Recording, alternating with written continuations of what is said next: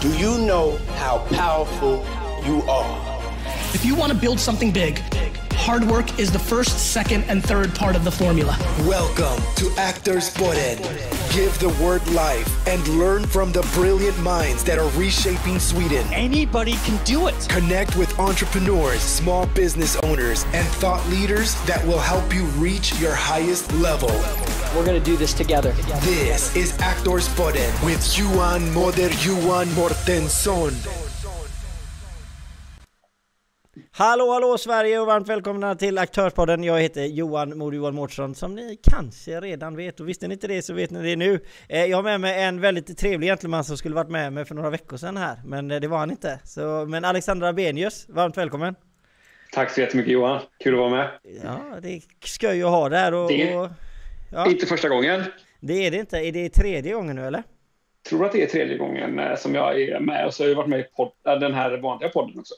Ja precis, vi, nu är det ju lite mer eh, diskussionsunderlag, alltså lite mer dialogformat så att säga. Som är företagssnack. Så att vi vill ju alltid veta vad ni själva tycker om ämnena där ute, alla som tittar. Så att jag menar det är bara att chatta och fråga och eh, fråga hur svåra frågor som helst. Även om ibland kanske inte vi kan svara Alexander, man vet inte. Vi kanske inte kan. Man vet inte. Nej, det kan ju mycket väl vara så att de som sitter och tittar kan svaret. Det, kan, alltså det, det, det måste jag ändå börja med förra gången jag hade sändning nu med eh, Lidholms eh, där Esse var, var med. Och så började han prata om eh, liksom innehållet i stål och grejer och alltså du vet sådana här grejer som man, man liksom, vad, vad pratar då liksom. Det är dock väldigt intressant. Det är sjukligt intressant. Och så här Ja, med är maskiner faktiskt. är ju roligt, tycker jag. Ja. För vi, vi har ju ett företag här i, i Lerum som sysslar- mycket med stål, eh, Livalco eh, stål, eh, som jag har varit och besökt. Och det är hur intressant som helst att höra dem prata om det. Ja, men det Det är skitcoolt. Det är, ja, ja, ja, precis. Och typ alltså, sådana här fräcka maskiner och grejer som man har ingen aning om hur saker och ting funkar liksom. Det är, det är, ja, det är grymt bra faktiskt, får jag säga. Men hur har de varit så här långt? Du, den har varit bra. Eh, jag har suttit i eh, digitalt, oj, nu ska vi se, digitalt samtal med eh, vår kommundirektör här i Lerum och, och pratat lite. Det är ju så att jag går ju själv på föräldraledighet eh, den eh, första eh, mars och ska vara borta fram till midsommar. Eh, och eh, då planerar vi lite inför det. Vi ska få in en ersättare eller en tillförordnad kommundirektör, som, eller eh, inte kommundirektör, utan eh, kommunstyrelseordförande som går in istället för mig. Då. Så, att, eh, eh, så då har vi lagt upp lite planer för, eh, för det, så det är gött. Hur gör man eh, som ledare för att lämna över till en annan ledare? Även om det är tillfälle liksom. Vad, vad gör man och, och vad, vad ska man tänka på? Tycker du? Nej, men jag, jag tänker så här, man får, dels får man ju väga in lite vad, eh, alltså hur länge man själv ska sitta eh, som, som TF, eh, kommunstyrelseordförande. För att det beror ju lite på, är det som det här nu en eh, tre, fyra månader eh, ungefär, så det är klart att man hinner inte driva så mycket saker, utan det blir mer att man förvaltar.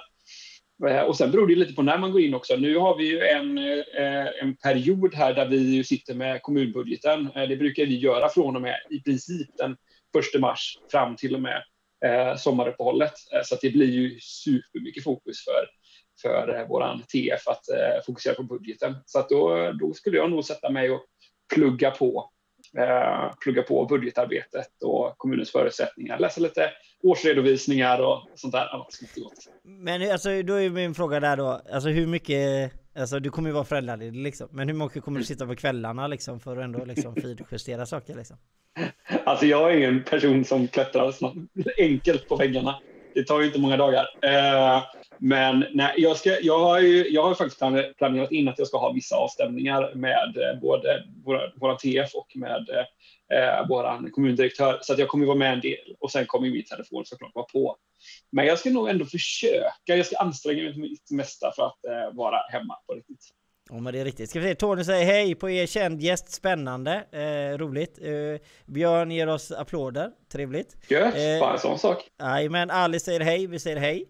Eh, Hej. Tillbaka. Och Tony säger föräldraledigt, det är grädde. Och, Ja, det är grädde. Helt enkelt. Jag, det är det. det är fantastiskt faktiskt. Eh, ska vi se, David säger kafferostan och partikamraten från Ulricehamn säger god eftermiddag. Härligt. Eh, så att det är roligt att ha med er alla som sagt. Eh, men, men eftersom vi, jag gillar ju ofta så följa upp saker. Det är ju, älskar ju när helst när du tar upp det. Alltså om, nu, nu, nu leker vi, ponerar vi här att det händer någonting som inte får hända. Och det är ju ganska roligt mm. för ibland gör du det, så det är därför det är bra att prata om sådana saker. Alltså mm. vad hade liksom, eh, alltså finns det en, liksom, en, möjlig, en, en möjlighet där du går in och avbryter din pappaledighet för att gå in och liksom ta över efter TF om det inte funkar? Det var en spännande, spännande tanke faktiskt. En spännande tes. ja, det är en väldigt spännande tes.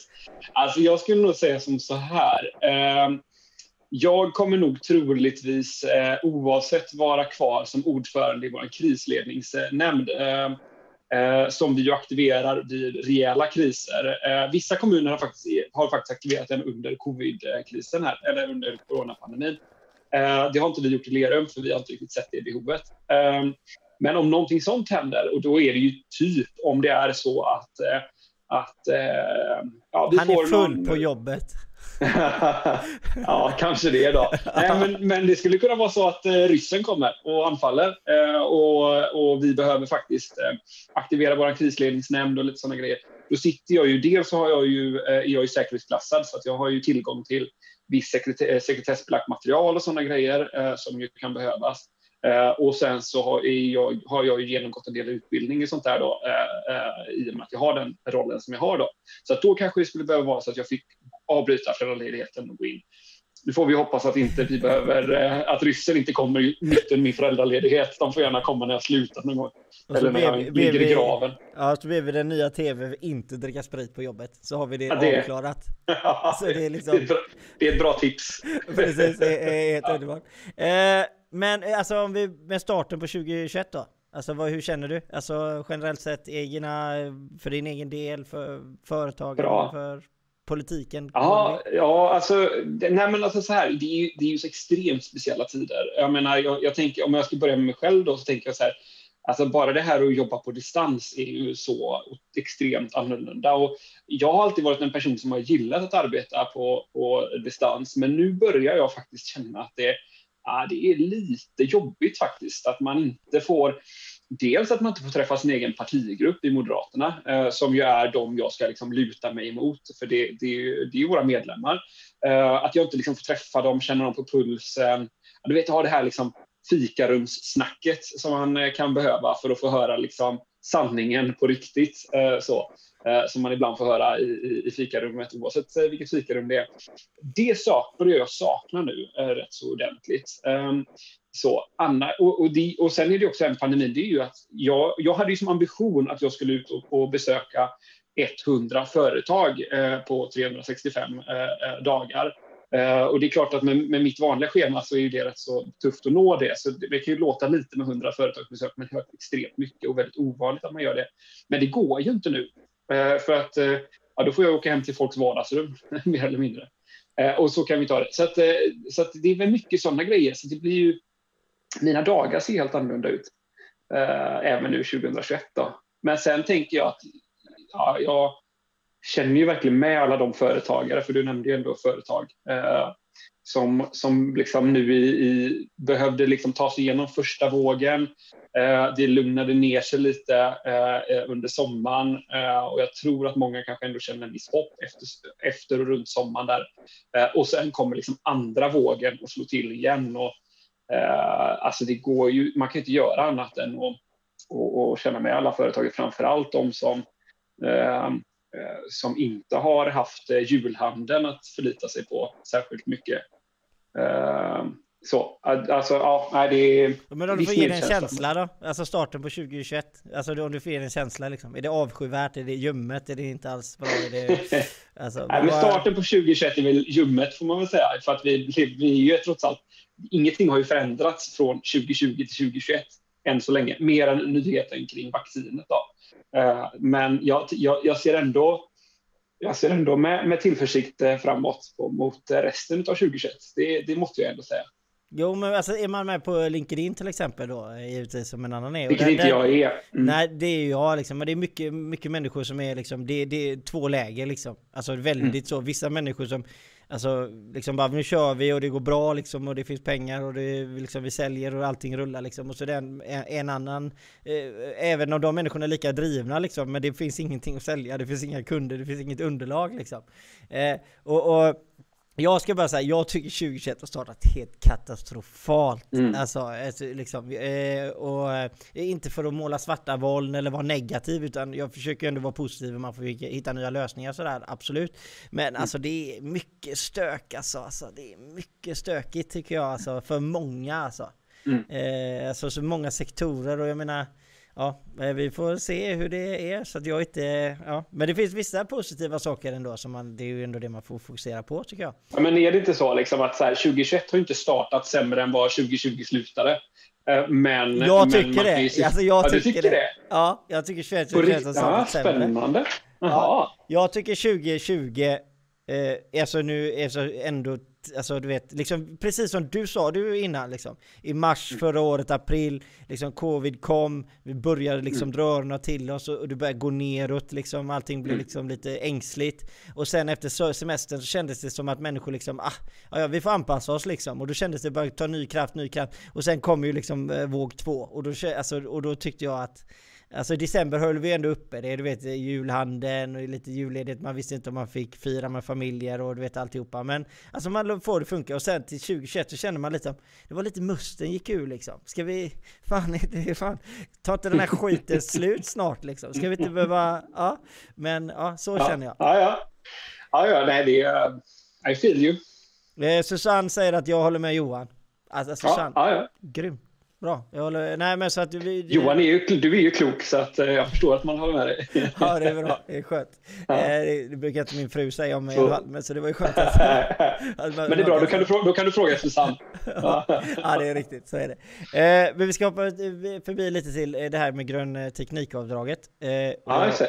Eh, och jag vet säkert att du är insatt, men eh, eh, det är ju med solceller, laddboxar för er som är där ute att, att man får dra av 50% av arbetskostnad och materialet om företaget eh, köper in det. Alltså på det svenska företaget får köpa in sakerna.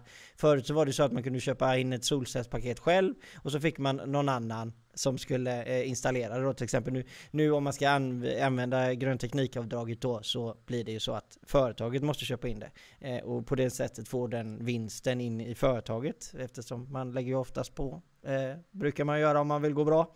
Eh, Mm. Men vad, vad, vad känner du om det liksom? Är det, är det laddboxar? Vad, vad tycker du och solceller och sånt? Vad känner du? Ja, men så här, jag ska faktiskt säga det igår, nu har inte det här med den privata utan snarare med det offentliga då, men, men det kan ju ändå ge en känsla för vad jag tycker om frågan. Eh, så hade vi faktiskt upp ett ärende i kommunstyrelsen som, som vi då i Alliansen som styr i Lerum eh, eh initierade om att vi ska ta fram en, en, ny strategi för just vår laddinfrastruktur i, i kommunen för just eh, elbilar, hybridbilar och så vidare. Eh, nu tog vi också i samband med det också ett beslut om att vi ska ta fram en, en lösning för hur vi kan avgiftsbelägga eh, de här laddstolparna. så det ska inte vara gratis att ladda utan använder du, precis som när du tankar bensin eller diesel eller vad det nu kan vara, så ska du självklart betala för det själv. Eller om du för all del, om du tankar hemma, så ska, så, så, så ska liksom samma princip gälla om du ställer dig på en parkering som kommunen äger. Um, så, men, men alltså, så att i grund och botten så ja, det där är ju framtiden, alltså det förnyelsebara, eh, eh de förnyelsebara drivmedlen och så vidare.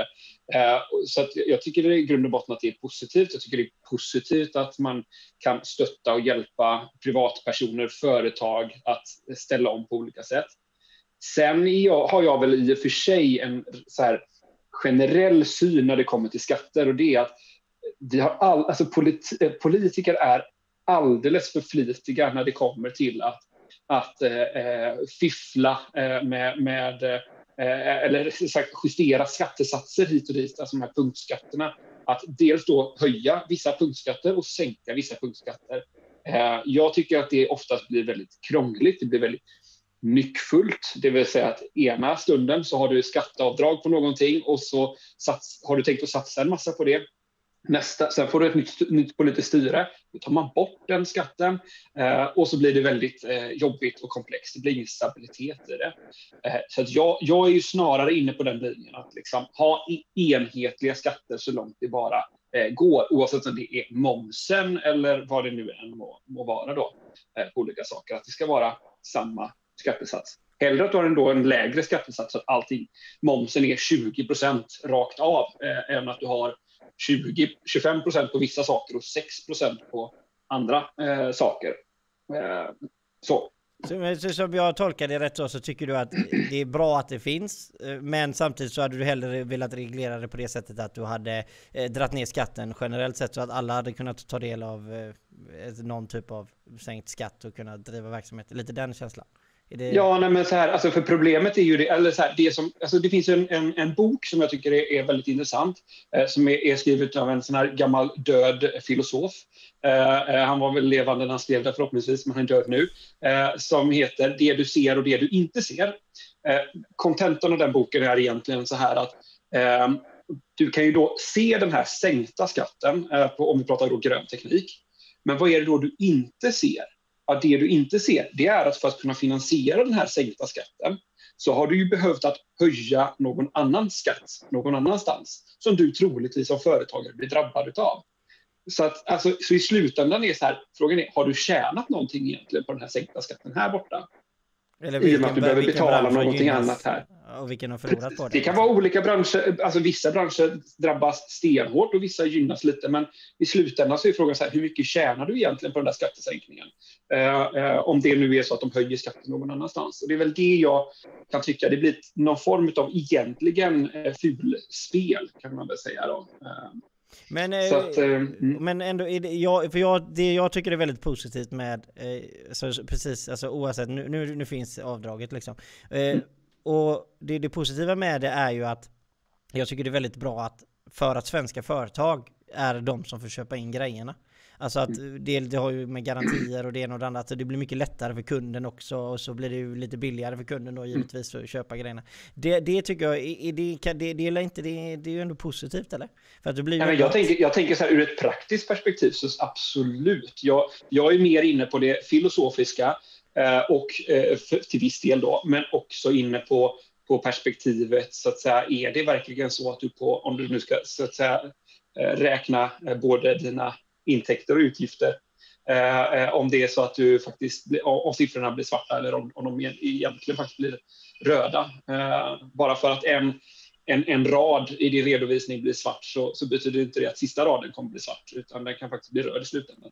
Nu ska jag sätta lite på pottkanten. Eh, eh, och det var bara för att det är det du sa. Och, eh, för det är någonting som jag också har tänkt på mycket det här med mm. just att av, av, avgiftsbelägga laddstationer. De ny, mm. Alltså det kommer ju bli de nya bensinstationerna. Det, det enda mm. problemet är jag så att det är jättebra att man utvecklar det. Men det enda jag tänker, alltså bli konkurrensutsätter man den, alltså företagsmarknaden? Alltså om du som kommun förutser den här, alltså skulle det vara så om en kommun har en tapp alltså konkurrensutsatt, alltså förstår du vad du menar? Ja, ja, jag förstår exakt vad du menar. Jag tycker resonemanget är superbra. Det var faktiskt en av de sakerna som jag pratade med vår kommundirektör om idag. Och det var det att det är ju superviktigt nu när vi tar fram den här strategin att vi också tittar på vilka privata aktörer är det som finns på marknaden. Finns det några marknadskrafter överhuvudtaget som är intresserade av detta? Eller är det så att kommunen eller det offentliga behöver ta liksom första steget innan det blir lönsamt? För ibland kan man ju faktiskt behöva göra det eh, för att det inte finns någon, något så att säga, incitament på marknaden. Eh, men däremot så kan det finnas ett utifrån ett serviceperspektiv då, eller, eller ett samhällsperspektiv eh, kan det faktiskt vara viktigt att, att infrastrukturen finns på plats. Det kan mycket väl vara så att kommunen bygger ut hela, hela infrastrukturen och att sen det kommer marknadskrafter efteråt och säger så här, men vi är intresserade av att, att, att köpa eh, eh, de här platserna eller köpa själva stolparna eller för all del att vi hyr ut eh, själva parkeringsplatsen och sen får de en möjlighet att och, och ta betalt då, eh, eh från de som använder sig av stolparna. Det finns ju säkert många olika sätt. Så, så länge du som, du som offentlig aktör är sen öppen för att släppa in eh, marknaden så är det inget issue, tycker jag, för, för, för det offentliga att gå in. Okej, men eh, om, om vi säger det, alltså hur gör ni det här nu då liksom bara för att eftersom kommun och det kan ju vara väldigt intressant alltså eh, kommun styrs ju ändå lite ibland som ett företag men samtidigt in, in, ibland inte alls. Eh, mm. men eh, då tar ni in Lerum Energi då som jag vet att det är det energibolaget som är Då tar man in Lerums mm. Energi och så frågar man dem eh, Får en kostnadsbild eller som man kan budgetera eller? eller och sen... ja, tanken är ju så här, vi, tanken är ju att eh, om man ska titta då hur, hur detta är, fungerar då så är det så att Lerums kommun äger ju Lerums, Lerums Energi idag. Eh, det är ju 100 procent, vi äger det till 100 procent då. Eh, och då är det så att i ägardirektivet så står det bland annat att Lerum Energi ska leva upp till de eh, politiska styrdokument som man, har fattat om, som man har fattat i kommunen. Och är det då så att vi säger att vi ska jobba i Lerums kommun för att, eh, utifrån den här strategin för att bygga ut vår laddinfrastruktur, då har ju styrelsen ett ansvar att också jobba utifrån, utifrån det. Sen är det ju lite mer komplext än så, för sen har du dessutom en bo, sen är de faktiskt ett, ett bolag och behöver ju leva upp till, till aktiebolagslagen precis som vilket företag som helst.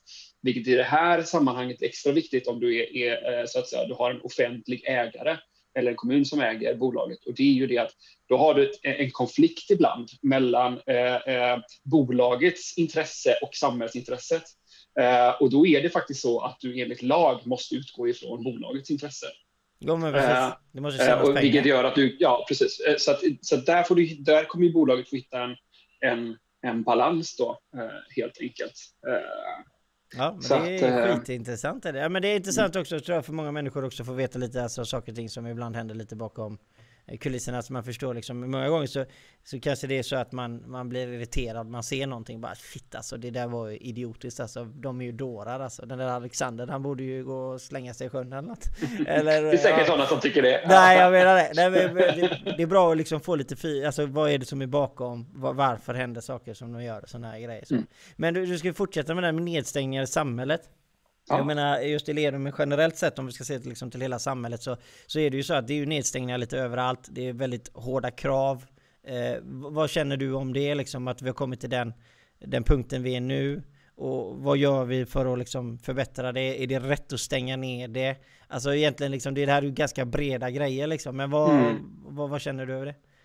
Jag, jag säger så här, först och främst att jag tycker det är jättesvårt att göra, eh, göra den här bedömningen kring Eh, Eh, just kring ska man stänga ner, ska man inte stänga ner.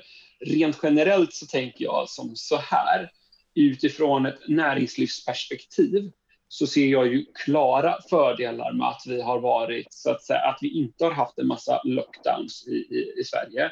Eh, och, och, då tänker jag inte bara för där vi är och där vi står just nu, utan också hur, vilket samhälle vill vi ha efter coronan? Eh, eh, när, när så att säga, vaccinen är utrullade och, och så vidare. Eh, och man kan börja röra sig som normalt i samhället. Vill vi ha ett samhälle där liksom, företagsvärlden, som ju faktiskt står för mycket av den liv och rörelsen som, som sker i samhället, att, att det ska vara dött efter corona. Nej, det vill vi absolut inte. Och därför så kan jag tycka att det är vettigt då att man inte stänger ner för hårt. Å andra sidan kan man ju se det, Ehm, och det, här, det blir en etisk fråga i slutändan, kan man ju se det utifrån människolivsperspektivet där det i alla fall inte ser ut som att Sverige har klarat sig särskilt bra utan att vi faktiskt har väldigt många som har eh, dött eh, eh, i covid-19 också kanske då som ett resultat av att vi inte har satt in rätt restriktioner och så vidare. Vilket då tänker jag så här att nu när vaccinet faktiskt kommer Eh, och, nu tycker jag ju att man har försökt att, skriva, att regeringen har försökt att skriva om historien genom att säga att man aldrig har förespråkat eh, flockimmunitet. För det vet jag att, jag, att det pratades jättemycket om i Lerums kommun, eh, i kommunhuset, om, om strategin kring, flockimmunitet och så vidare. Så jag vet att vi var inne på det och att det var det regeringen var inne på. Men de hävdar att de inte gör det. Men, men just det här att, att man har haft en strategi kring, kring flockimmunitet och att det faktiskt är acceptabelt att många eh, skulle ha covid, men att man inte då når den här brytpunkten.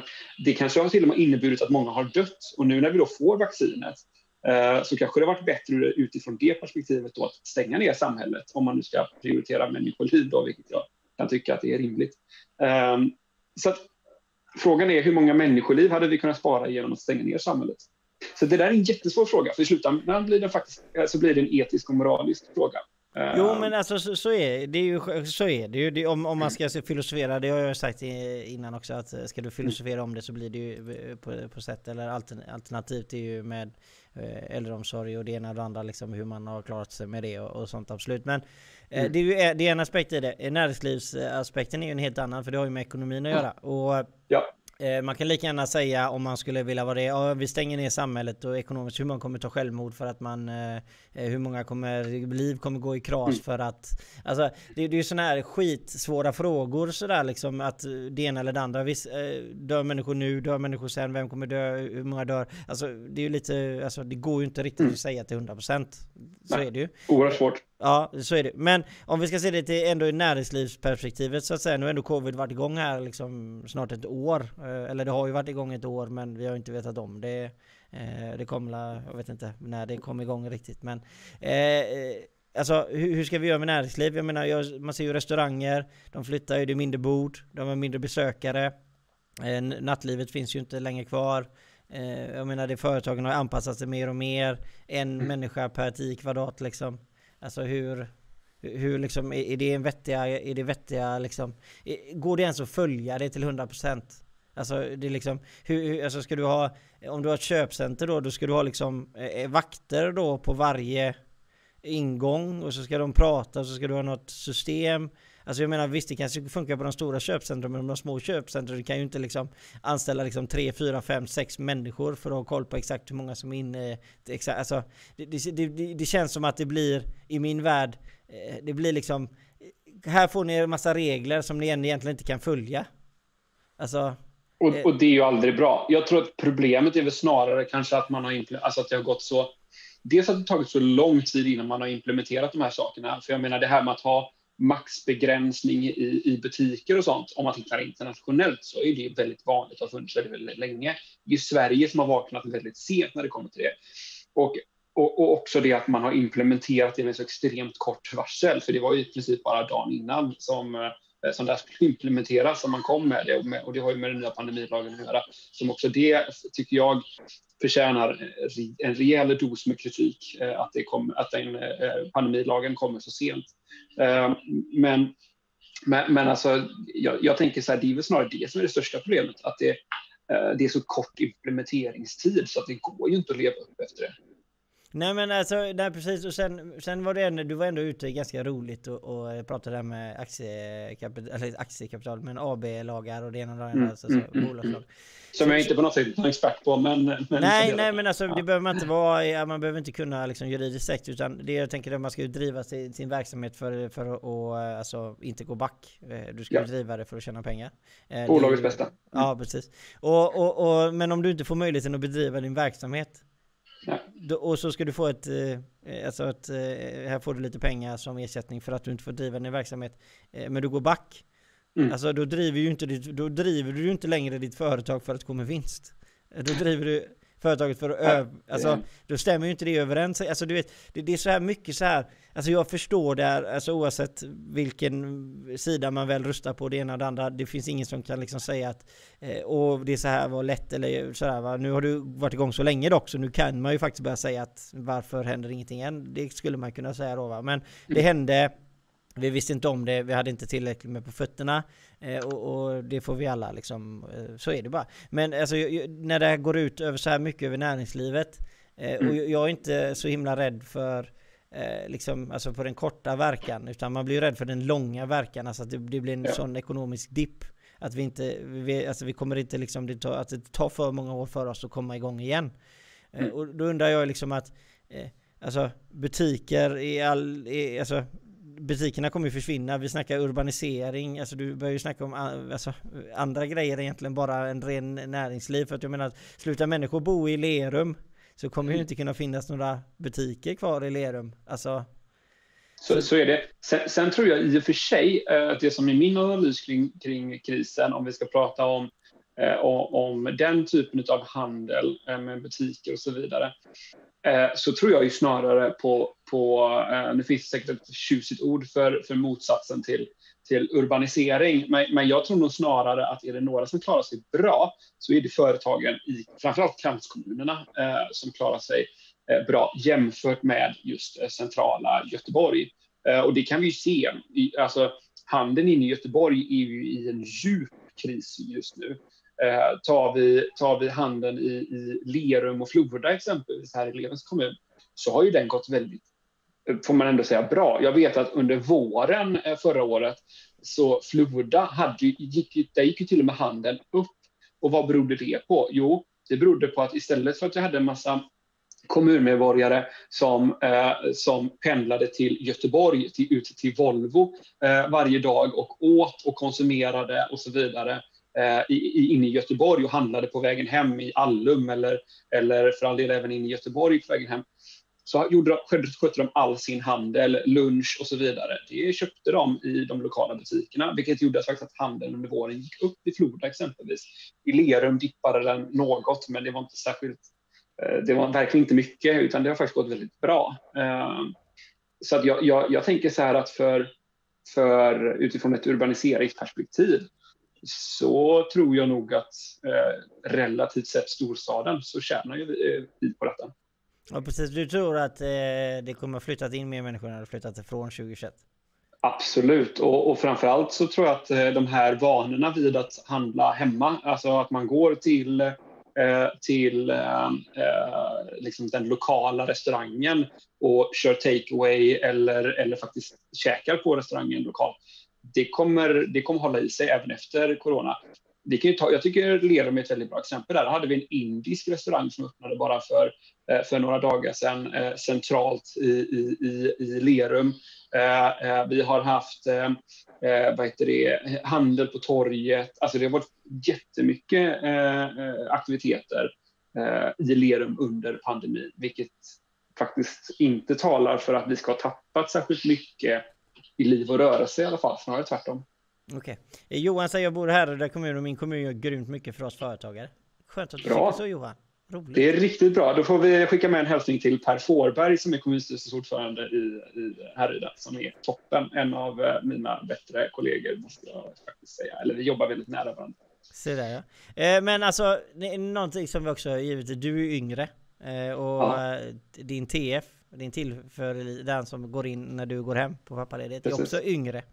Alltså, ja, ännu yngre. Ja, man har ju, alltså, man har väldigt pratat väldigt länge, väldigt många år nu. Alltså sen, mm. sen liksom jag själv var ung. Nu, nu är inte jag så himla gammal, men det då... Du är faktiskt inte det. Nej, jag är faktiskt inte det, men man kanske tror det. Men, eh, Alltså, ledare blir yngre och yngre. Men man ja, pratar... I vissa länder. Eh, ja, i Sverige. Eh, mm. Alltså, mm. Mm. Men det är det jag menar, alltså, miss, alltså vi pratar ju ofta så positivt, det är roligt när man kommer in och det är driftigt och det ena och det andra och man är sånt här när man är yngre. Finns det någon nackdel då? Med att alltså, det, ja. det blir för unga ledare liksom? Det är klart att det finns en nackdel med det. Alltså jag tänker som så här att äh, det du inte eh, så att säga kan påverka, det är ju den långa livserfarenheten. Alltså, ta för min egen del, jag tillträdde som kommunalråd när jag var, jag skulle fylla 27. Eh, jag blev kommunstyrelseordförande eh, när jag skulle fylla 29, eh, så jag var fortfarande 28. Eh, jag hade alltså eh, förvisso gift då, eh, vad heter åren där mellan att jag blev kommunalråd och kommunstyrelseordförande. Men, men jag blev ju pappa först i år. Och med den, den, bara den livserfarenheten som man har med sig därifrån har ju, märker jag hur, jag hur jag har ändrats som politiker med den livserfarenheten. Och det finns många livserfarenheter som jag inte har kunnat uppleva än men som jag kommer, eh, troligtvis kommer uppleva. Eh, hur är det exempelvis att, att, så att säga, möta på eh, den här vården som, som det innebär att man så att säga, måste stöta på när man eh, är äldre? Eh, eh, och så vidare. Då, att ha kanske en partner som, som bor på ett demensboende och så vidare. Det är ju ingenting, tack gode gud, som jag har fått uppleva. Eh, eh, framförallt inte det sista då. Men, men jag tänker att det är ju en livserfarenhet som är viktig att ha med sig, eh, eller som kan vara väldigt viktig att ha med sig. Så att, ja, det finns jättemånga eh, eh, nackdelar med det, men sen, sen finns det också fördelar.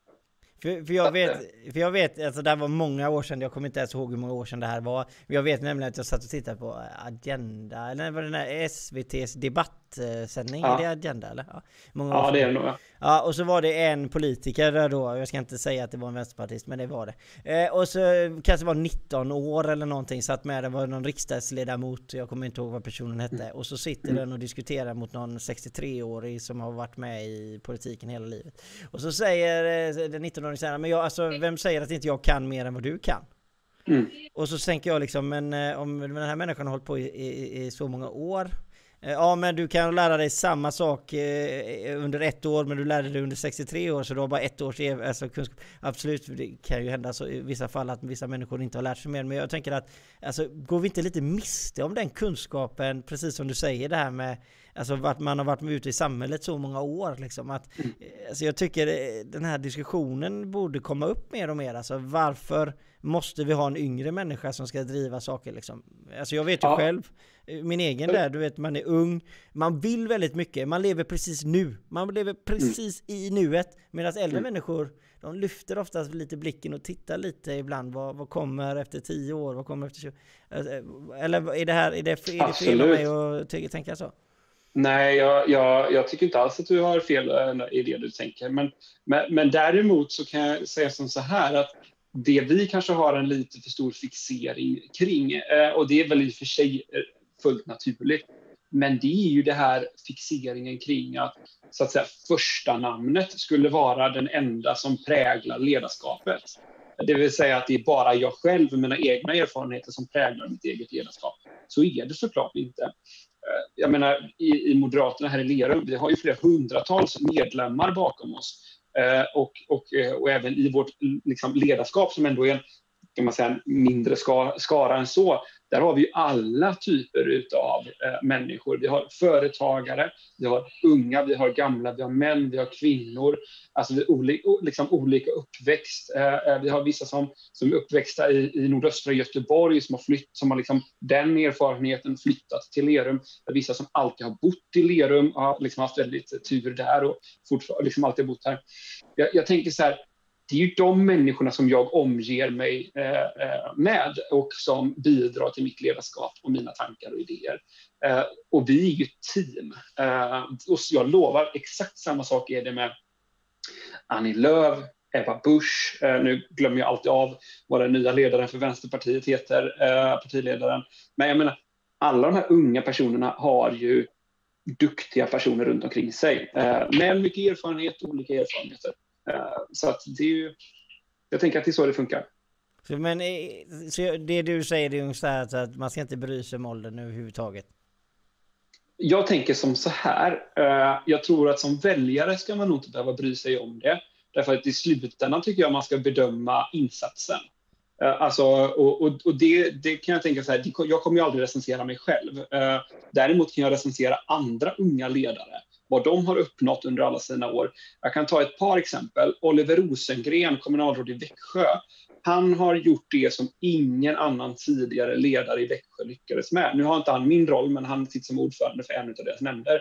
De hade ett superstort underskott, eh, alltså på flera miljoner kronor i underskott. På bara två år så lyckades han vända det till ett överskott. Um, han, är, han är under 30 i alla fall. Eh, Josefin Malmqvist hon tidigare kommunalråd i Sundbyberg, eh, lyckades få, eh, vända, vara med och vända Sundbybergs underskott till överskott. Alltså det finns, finns ju väldigt många goda exempel. Adam Johansson i Falköping, Sveriges yngsta kommunstyrelseordförande. Han är 20, nu ska vi se så jag säger rätt här, 24 år gammal är han eh, idag. Eh, han, han, lyckas alltså eh, regera med en blandning med, jag tror de är socialdemokrat, han är själv moderat, de styr tillsammans med nu ska vi se, nej, Vänsterpartiet, Miljöpartiet, M, KD och, och, och, C tror jag, eller något sånt där. Det är i alla fall en, en supermärklig majoritet. Och han lyckas ro ihop det, trots att han är 24 år gammal. Men det är bra. Men då, då ställer jag frågan så här. Ja. Hur många äldre kan du rabbla som har gjort väldigt bra ifrån sig? Hur många som helst. Ja, men det är bra. Just, och, det, och, det, är just därför jag, och, det, och det är just därför jag säger det. Jo men alltså, jag säger här, bara att nu blir det bara yngre. Alltså, du vill ja, säga... nej, men, absolut, ja, men, men det är nog just det för att jag tror att yngre oftast blir ifrågasatta för att eh, så att säga för att man tar ofta det som en utgångspunkt, du är ung, eh, alltså så borde du rimligtvis ha vissa utmaningar. Jag tänker som så här att det är bättre att vi tar och, och bedömer eh, människors insatser istället. Så hoppas jag att våra medborgare här i Lerum i slutändan bedömer mina insatser eh, och inte min ålder. Men det, å andra sidan så får jag ändå säga det att Lerumsväljarna var ju ändå väldigt eh, duktiga på det. Eh, för att vi, vi ökade också rätt så rejält i Lerum, så att uppenbarligen har man inte sett min ålder som ett issue, utan man har sett det jag har velat istället. Nej Så men det att, tror jag eh, inte. Jag, jag tror inte att det är på alltså, specifik position tror jag inte problem finns att man ser ålder överhuvudtaget. Utan jag tänker mer att det, det blir en nackdel desto äldre du blir nästan. Eh, mer idag. Än att yngre människor Fast- har inga fast- problem. Fast tänker jag så okej nu är jag ju inne på ett helt annat land, förvisso det kan vara olika kulturer. Men jag menar, ta USA nu. Joe Men Biden. där är ju, där, det går ju inte att jämföra. Där är det bara gamla människor. Finns, säg en ung president liksom. Ja, Obama var ju ändå förhållandevis ung när han blev vald. Ja, relativt. Det Det får- beror på vad man menar med får man ju ung. ändå säga. Ja. Ja. han, var, han var väl yngre än Stefan Löfven tror jag. Att, Ja okej, ja, ja. Eh, och en då i alla fall. Ja, Biden och Men- Trump, men- hur gamla är de liksom? De är ju stof- stofiler liksom. men, men, men oavsett så tänker jag som så här att Eh, eh, jag tror att ja, det är lätt att uppmärksamma de här unga och det är nog också för att unga är väldigt duktiga på att synas i sociala medier rent generellt. Så jag tror att vi, vi uppmärksammar dem för det är också där vi, eh, så att säga, man, man ser eh, politiker generellt idag, det är sociala medier. Ehm, och, och, och, och där kanske man inte ser dem äldre, men, men vi har otroligt många duktiga äldre eh, politiker. Nu råkar jag ju vara kanske lite duktigare på, på moderata eh, företrädare, men jag menar, eh, tar vi Bengtsfors, eh, klockrent exempel på en, på en äldre herre som sköter Bengtsfors på ett helt fantastiskt eh, eh, bra sätt. Det finns jättemånga sådana goda, goda exempel. Tony säger man skulle klara att klona Gösta Boman. Erfarenheten själv. Nu vet jag faktiskt inte vem Gösta Boman är här. Det jag Alltså, säga. har du inte koll på det? Nej, jag får säga be om ursäkt faktiskt. Om jag säger rösta på Gösta då Johan? Det är ingenting, it doesn't ring a bell. Nej, ett, ett en enda alltså. Eh, jag, jag ber om ursäkt Tony. Eh, Jag, jag Det, finns, inte. det finns faktiskt en, en film eh, eh, om just, eller doku, kort dokumentärserie om Gösta Bohman eh, där man har intervjuat Carl Bildt och, och, och andra moderata partiled, partiledare som man kan eh, titta på. Superintressant faktiskt. Men jag, jag har inget, alltså du sa ju förut att du har inga problem, alltså du vill inte recensera dig själv. Nej. Men det gör du ju. Det är klart att man, man recenserar sig alltid liksom att ja men det här var, tyckte, det här var blir bra liksom. Nej det här blir inte bra. Alltså, eh, ja, det kan man ju göra. Alltså, jag, är ju, jag är ju för sig en rätt så självkritisk person. Eh, jag är väl lagd åt det hållet. Det är klart att man gör det, alltså att man kan säga så här, och det där gjorde jag bra eller det där gjorde jag dåligt. Men jag tror inte jag ska recensera mitt, mitt helhetsintryck. Eh, eh, så, och om, jag, och om, människor, om människor ska tycka att jag har lyckats eller inte. nej, Det håller jag för mig själv i alla fall. Alltså, jag, alltså, alltså tycker jag att jag är bäst i någonting så kan jag säga det. Alltså så är det bara. Jag har inga problem med det tvekar har jag inte ens på, Johan. Men jag kan däremot säga om jag är sämst på någonting så kan jag också vara den som kan säga att jag är helt sämst på någonting. Jag ska säga, jo, Johan säger men för hel- Gösta Bohman Ja. är en legendar säger han till mig. Ja. Eh, Ja. Jag, be, jag ber så mycket om ursäkt Johan, jag lovar. Jag ska... Jag behöver, eh, jag känner det här, jag är inte tillräckligt gammal än Johan. Jag behöver mer kunskap. Eh, fick jag in den med också. Men covid-19 vacciner, eh, vi får färre Ja. doser. Alltså jag Mm. menar, alltså, så ska vi inte vara typ, alltså riva ner himlen liksom. Alltså jag bara vi får mindre doser. jag, tänk, nej, men jag tänker så här, eh, öppna plånboken. Det är, ju- det är inte ofta jag säger det som moderat, eh, men här säger jag faktiskt det. Öppna upp plånboken.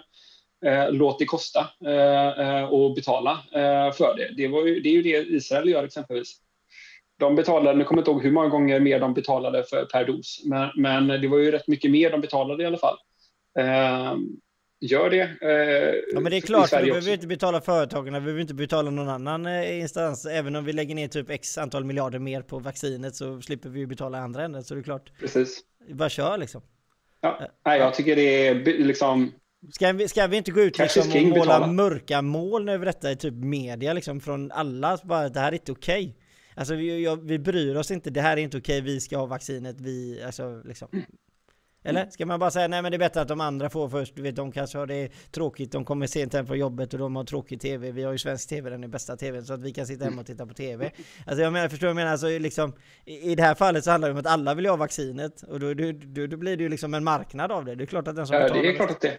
Ja, jag menar du Ja, alltså det finns ju ingen annan förklaring till varför Israel får, får så mycket. Jag tror att idag hade de väl nått en tredjedel utav, utav den israeliska befolkningen, tror jag, om jag inte läste rapporteringen helt fel idag. Men det är Så ingen menar, bias det- i det här. Det finns inte så, något som överhuvudtaget att man bryr sig eller liksom så här att företagen skickar. Nej, nej, nej, nej. Det är, så är det inte heller. Nej, men de, betal, de, de betalar ju för det. Jo, jag vet. Det är så jäkla... Herregud, det är klart att så är det ju. Det är så världen Det är klart att det är en fungerar. marknad. Ja. Nej, men det är en marknad. Det är inte, och den som påstår att det inte är det eh, lever ju i en drömvärld. Alltså, att vaccinet kommer fram som någon form av välgörenhetsgrej. Det är klart att det inte gör. Jag menar, det, det, det är klart att det, menar, dels måste ju, för det första måste ju de här företagen som, som tar fram det, AstraZeneca och, och, och, och Pfizer och så vidare, dels måste de ju såklart gå break-even. Det är ju inte gratis att bedriva eh, vaccinforskning. Ja, så det är klart som tusan att de ska tjäna pengar på det också. Varför ska man annars ta risken? Alltså det, ursäkten är att han inte är politiker, bara en grym entreprenör, säger Tony till mig. Och du, alltså, jag förstår att jag har satt mig själv i skiten här Tony, men du får, alltså jag, vilket företag är det han har bedrivit då? Om jag omvänder på frågan då Tony, så kanske du kan delge det till mig, så då kanske jag kan veta vem det är istället. Jag, namnet, jag, jag är borta alltså. alltså jag, ja, men jag, De har fastnat vid Gösta Bohman alltså? Ja, jag, jag, jag förstår det, för det var ju, det, ja. Mm. Men, det är en av de personerna jag önskar att jag hade träffat. Eh, Gösta Bohman, Margaret Thatcher, Ronald Reagan. Det är tre, tre sådana personer. Eh, men alltså, det här med eh, vaccinet. Nu såg jag att mm. EU idag hade accepterat eh, AstraZenecas vaccin. Men alltså... Ja, det har jag missat. Mm. Eh, ja, jag läste det på text Men mm. alltså det här med att EU accepterar vaccinet och inte Sverige gör det liksom. Ska, ska vi låta EU acceptera låta acceptera vad som vi tar in i landet. Och det är inte vi, jag bara, jag bara frågar vad, vad din take Nej, men det tänker jag väl att det är väl vettigt. Nu kan inte jag alla processer där. Jag har förvisso uh, varit med och, och, och arbetat i, i, i Europaparlamentet och i Bryssel. Men, men, men, jag tänker att det är väl vettigt att vi har en samordning kring uh, kring det. Så jag menar, vi kan ju ta andra länder. Island är ett exempel som, som faktiskt eh, använder sig av samma, de är inte med i EU, men de använder sig av samma bedömning. Så att när EU ger tummen upp, då, då ger de också tummen upp nationellt. Nu är i och för sig Island ett dåligt exempel, för de är 350 000 invånare. Eh, så att de har ju verkligen inte den kapaciteten. Men, men jag tänker att det, det är nog rätt så vettigt. Ja bra, men det, alltså, det är viktigt för att jag tror att det är så mycket man, man kan tänka där ute. Och då är det ju alltså, det är viktigt ändå att liksom få, få en tanke på det. Eh, nu ska vi gå upp på någonting som eh, väldigt många människor säkert har en, en ganska stor eh, grej. Det här är ju eh, kärnkraften. Ja. Energi. Det här har ju med näringsliv, eh, verkligen mycket näringsliv att göra. Och eh, man pratar ju, om, ena, pratar ju om avvecklingar och man tycker att kärnkraften är det ena och det andra och så ska man hitta på allting annat. Vad jag står är ju ganska självklart. vad, vad känner du? Eh, ja, det, jag, jag höll på att säga det är självklart också, eh, men det är självklart för mig själv. Nej, själv, alltså, jag är en stor förespråkare av kärnkraft. Så att, eh, för mig är det, är det givet att vi ska satsa på, på kärnkraft. Men alltså jag vet inte, eftersom vi ska avveckla kärnkraft och det, det ena, och eftersom vi ändå pratar om skatter och det ena och det mm. andra, det är att vi subventionerar ju ingenting för den grönaste elen så att säga av allt det som kärnkraft verkligen är.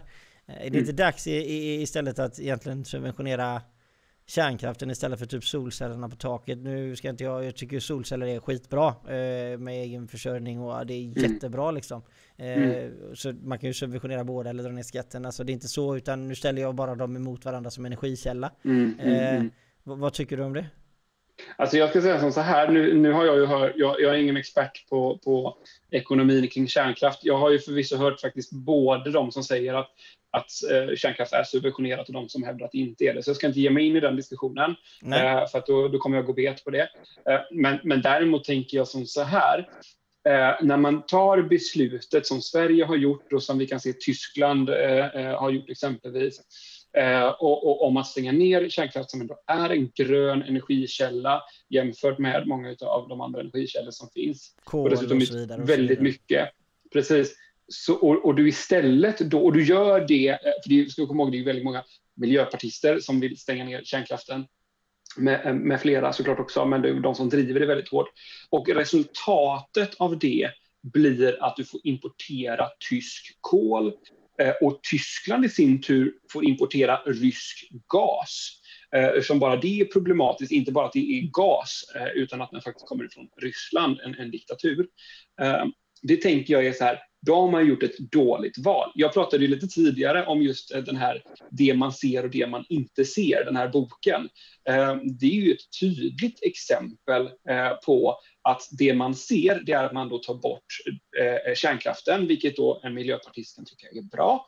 Eh, men det man inte vill se, det är just den här eh, tyska kolkraften. Så att jag tycker, jag tycker, för mig är det, liksom, det är självklart innan dess, eh, så att fram till dess att vi hittat bättre metoder. För det ska vi vara öppna för.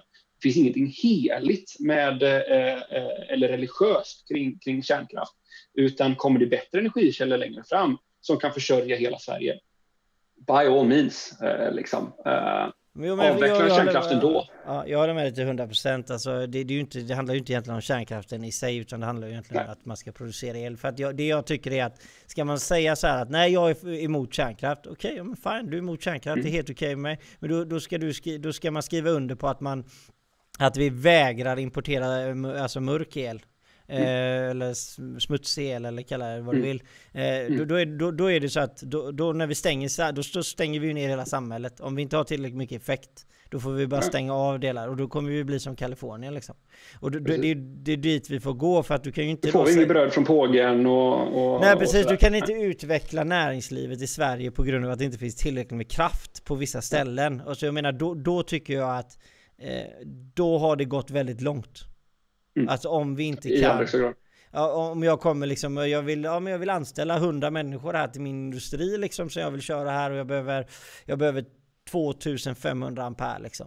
Eh, mm. Men nej tyvärr, du kan inte få det. Eh, du får vänta i fyra år.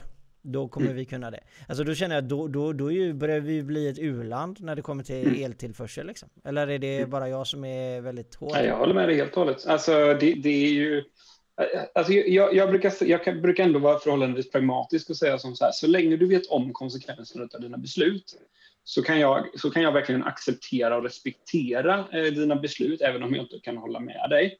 Eh, eh och, och, och, kärnkraften tycker jag är ett tydligt exempel på det.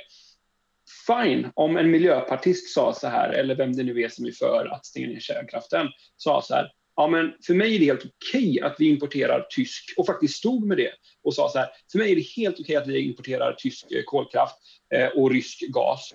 Eh, eh, eller att för mig är det helt okej okay att vi stänger ner en massa företag eh, eh, och därför är jag för att vi stänger ner kärnkraft. Då hade jag kunnat respektera det. Men jag kan faktiskt inte respektera de som vill stänga kärnkraften, som sen inte kan finna sig i att vi importerar tysk kol och, och rysk gas eller stänger ner företag. För det är ja, ingen som vågar erkänna. Ju, det blir ju den här effekten av att först då så Säger man att man accepterar att nej men det är lugnt, alltså då stänger vi ner delar av samhället liksom. Vi ställer ner Volvo under eh, mm. de timmarna vi inte kan tillföra el eller i hushållen mm. eller vad vi nu stänger ner. Absolut, men problemet är då till slut innan det då får skruv i näringslivet och ekonomiskt och man ser mm. att ekono ekonomin bara dippar och, och mm. det blir ar mer arbetslösa och det ena och det andra, alltså det som kommer bli effekten av det sen.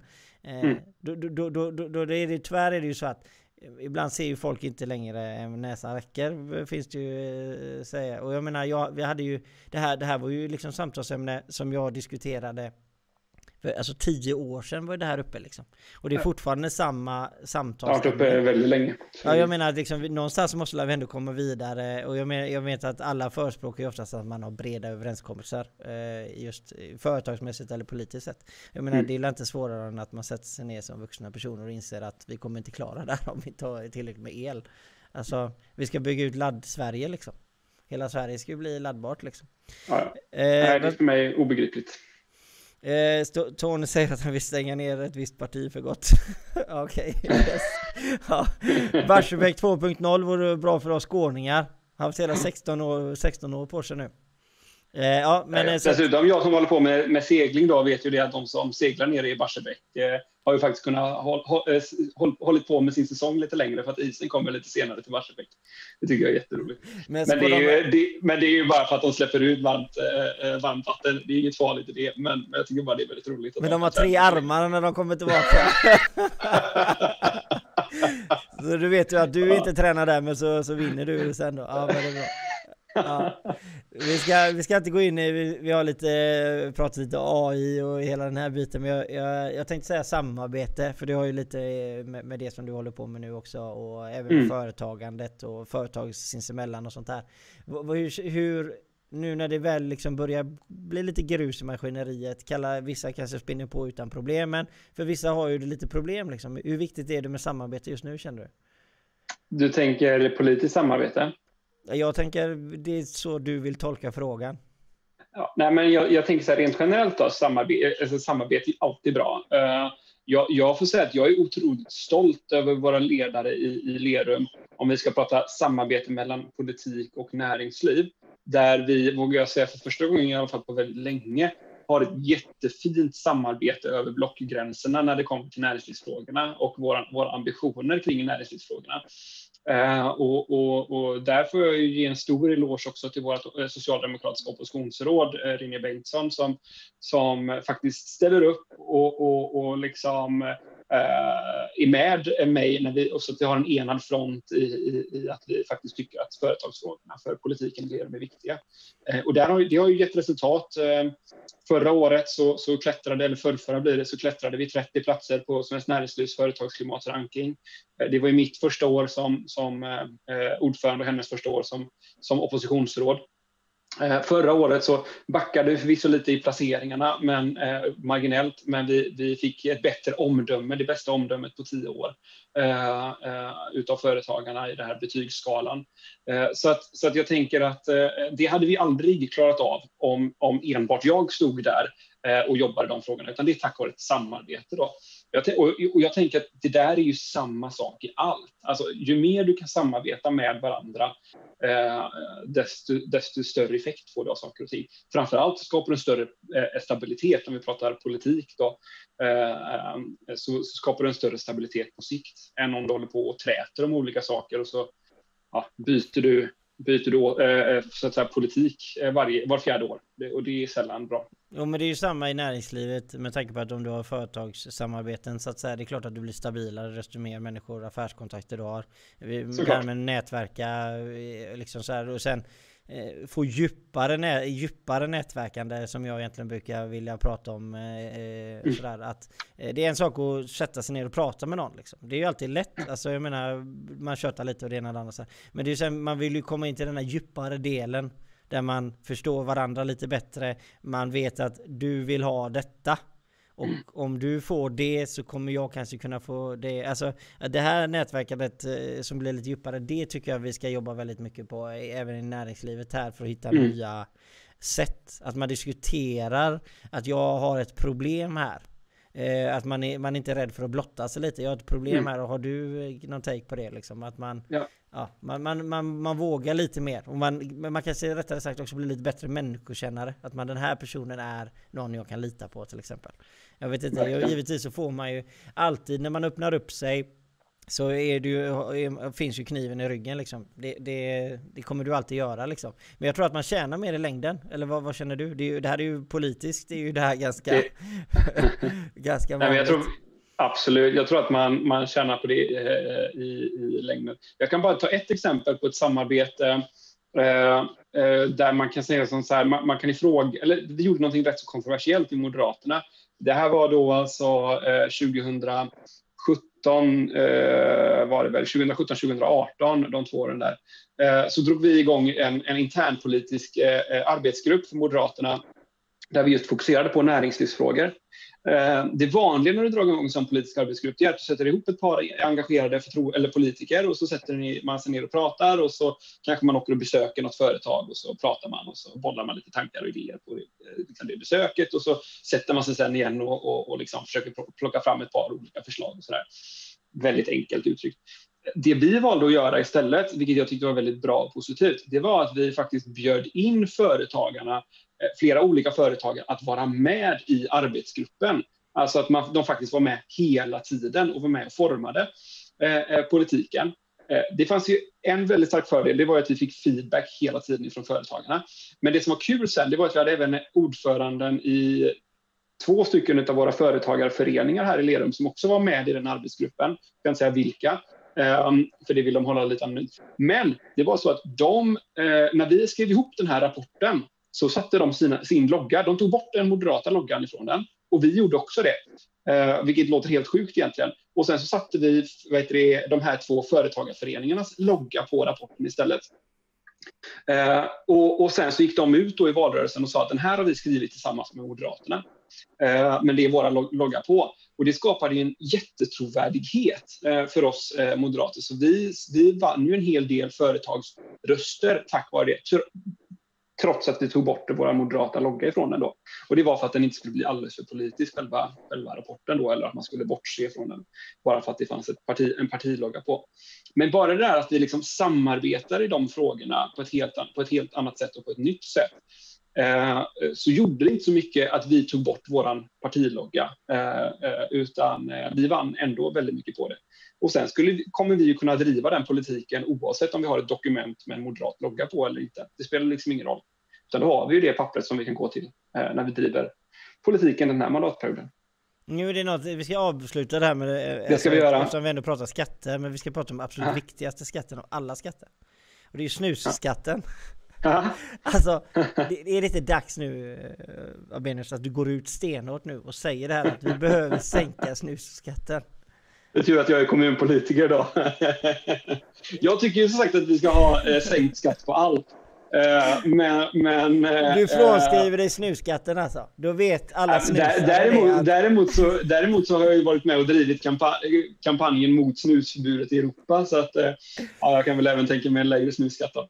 Ja men det var gött. Vi tackar så hemskt mycket givetvis för att ni alla har varit med. Även om ni inte vill ha sänkt surskatt så tycker jag det givetvis. Eh, Alexander var lite mer tveksam här. Jag vet inte riktigt vad han... Eh, vad han men han... Jag var, han jag var väl politisk var jag väl. Ja han var lite sådär. Ja politisk. Han var lite otydlig. Kan vi kalla det så? Just det. Ryggen fri. Ja just det, håller ryggen fri, inga knivar där inte. Eh, men som sagt, eh, ni har lyssnat på Aktörspodden, eh, Företagssnack, och vi har faktiskt pratat lite, ja det har varit lite politiskt idag eh, faktiskt. Och eh, lite samspelt med näringslivet och sånt här. Och, och eh, det har varit ett väldigt trevligt avsnitt och jag hoppas att ni får en fortsatt otroligt trevlig fredag och helg. Och så tackar vi så mycket från oss. Ha det nu så himla gott. Hej hej! Ha det gott!